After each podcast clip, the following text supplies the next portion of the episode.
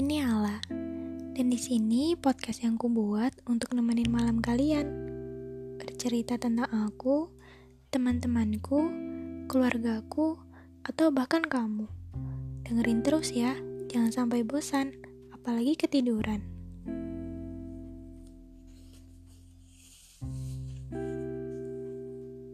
Kalian tahu kan, pelabuhan itu apa? Ya, tempatnya orang datang dan pergi.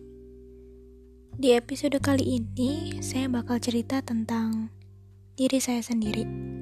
Lebih tepatnya, kisah saya sendiri sih.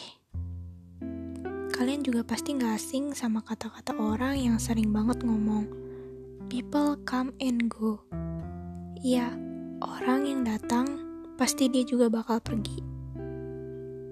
Pergi dengan sendirinya, tanpa kata-kata, tanpa perpisahan, bahkan tanpa ucapan selamat tinggal. Dulu pernah ada sosok, sosok apa ya nyebutnya? Kalau secara kasarnya mah, sosok yang gak tahu diri. Lah, kenapa? Kok gak tahu diri? Iya, dia seneng banget berbagi cerita sama saya. Ya, mau itu pas dia lagi seneng, sedih, susah, dia ceritain semua sama saya. Saya sih orangnya nggak pernah nyalahin orang yang mau berbagi cerita sama saya. Karena saya tahu mereka butuh sosok pendengar yang baik, yang ngasih saran dan jalan keluar atau bahkan hiburan. Sampai suatu saat, saya pengen cerita ke dia. Ya, ceritanya sih cukup menyedihkan. Dan emang sih bener kata orang-orang berharap sama manusia itu sebuah kesalahan besar, bahkan sangat-sangat tidak dianjurkan. Kenapa? Pas saya mau cerita, dia pergi, hilang gitu aja, kayak ditelan bumi. Ya, di situ sih saya masih positif thinking ya. Mungkin dia lagi sibuk, banyak tugas, atau emang lagi gak mau diganggu aja. Alhasil, saya urungkan niat saya untuk cerita sama dia.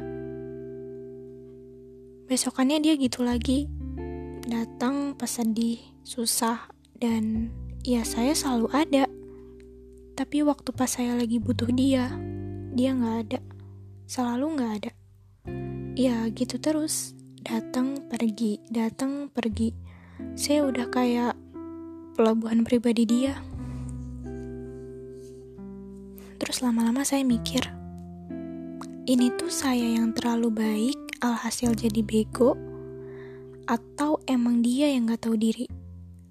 Saya nyesel, bukan nyesel karena jadi pendengar cerita dia, tapi saya nyesel. Kenapa saya mengharapkan seseorang yang emang pada dasarnya gak bisa jadi pendengar saya? Dari situ, saya mengambil langkah buat mundur dan berhenti buat peduli lagi. Dimulai saya hapus nomor WhatsApp dia, mute instastory dia, pokoknya yang berbau tentang dia tuh saya udah gak peduli lagi. Dan di episode kali ini, awal mula kenapa saya trauma banget buat cerita yang sedih-sedih sama orang. Saya takut. Saya takut cerita saya gak didengar.